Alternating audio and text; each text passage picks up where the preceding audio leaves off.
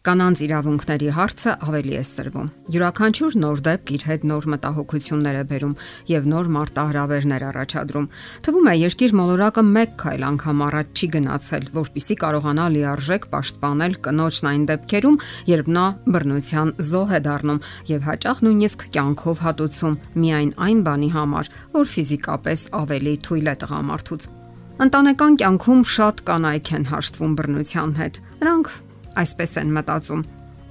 Ես հաշտվում եմ իմ վիճակի հետ հանուն ընտանիքի, սակայն պետք է արդյոք հաշտվել նվաստացուցիչ վիճակի հետ հանուն երեխաների։ Արդյոք հանուն երեխաների է, երբ այդ երեխաները տեսնում են, թե ինչպես է հայրը կանոնավոր բղավում մոր վրա, հոգեբանական ճնշումների ենթարկում, դավաճանում ընտանեկան արժեքներին, իսկ ոչ քիչ դեպքերում ֆիզիկական բռնության ենթարկում կամ էլ կնոջն ու երեխաներին պահում վախի ու սարսափի մեջ։ Բոլոր ժամանակներում կինը եղել է սիրո առարկա։ Նրան շատ են սիրել, նույնիսկ աստվածացրել։ Նրա մասին բանաստեղծություններ են գրել եւ երկրպագության առարկա համարել։ Բայց մյուս կողմից բազմաթիվ են դեպքերը,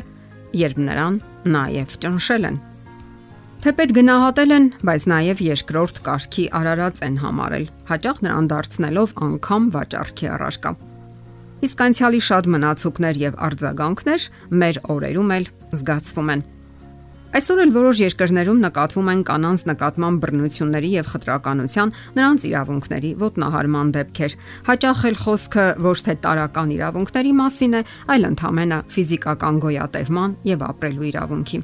Մեր հասարակությունը դեռևս այն վիճակում չէ, որpիսի ճանաչի կնոջ հոգեբանական եւ ֆիզիոլոգիական առանձնահատկությունները։ Հասկանա կանացի բնույթը, սիրված եւ ընդունված լինելու նրա բուրըն տենչը Հարցումները հստակ ցույց են տալիս, որ կանանց ավելի շատ ճնշում է սիրո պակասը, ամուսնու կողմից անտեսված լինելը, քան տնտեսական ու նյութական գործոնը։ Սոցիոլոգիական հարցումները միշտ էլ ողրզել են, որ կանայք երջանկություն են որոնում եւ չեն գտնում իրենց սեփական ընտանիքում, չեն բավարարվում նրանց հուզական եւ ֆիզիկական պահանջմունքները։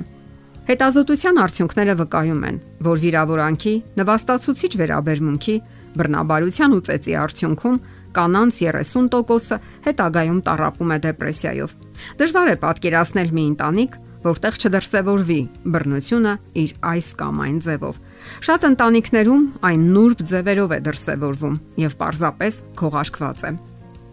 Գաղտնիք չէ, որ բռնության ենթարկվում են հիմնականում կանայք։ Այդ դրսևորումները տարբեր են ֆիզիկական միջամտություն, բռնի վերաբերմունք, հայհոյանք, կնոջ կարծիքի անտեսում, արհամարանք, ցերեկային կոպիտ վերաբերմունքից հետո գիշերային հարաբերությունների պահանջ եւ այլն։ Հարցն այն է, որ որոշ ոլորտներում կանայք ֆիզիկապես ավելի թույլ են տղամարդկանցից եւ առավել խոցելի եւ դյուրազգաց հուզական ու հոգեբանական առումներով։ Հասկանալի է, որ քիչ չեն նաեւ դեպքերը, երբ կանայք սխալներ են թույլ տալիս վեճերի ժամանակ համբերությունից հանում են դիմացինին։ Սակայն բոլոր դեպքերում գոյություն ունի հարցի քաղաքակիրթ լուծումը երկխոսության միջոցով։ Կինը էրոտիզմի գովաստ։ Սա այնքան է թափանցել հասարակական մտածողության մեջ, որ շատերն արդեն չեն էլ պատկերացնում այդ վիճակի վտանգավորությունը։ Մոլորություն է, երբ կինը դառնում է էրոտիզմի, սեռական բնազդներ արտնասնելու եւ շահարկման առարկա։ Տպավորություն է ստեղծվում, թե կանայք հենց դրա համար էլ ստեղծված են, որpիսի մերկ մարմնով գովազդեն կոնֆետն ու հյութերը, օճառն ու ծամոնը։ Կամա թե ակամա, գիտակցաբար թե անգիտակցաբար, կին էակը վերածվում է ապրանքի, իսկ նրա բնածին գեղեցկությունն ու քնքշությունը դառնում է շահարկման առարկա։ Իսկ այժմ տեղափոխվենք ընտանիք։ Ընտանիքում կինը եւ տղամարդը պետք է հասկանան միմյանց այլ ոչ թե հարաբերությունները հիմնված լինի բռնության վրա։ Ամենից առաջ պետք է ջանք անել, հասկանալ, ճանաչել միմյանց ուժեղ եւ թույլ կողմերը։ Անկեղծորեն ձգտել փողզիչումների եւ փոխհմբռնման գնալ։ Դուք պետք է կենտրոնանաք միմյանց դրական որակների վրա եւ հարաբերվեք այդ ոլորտներում։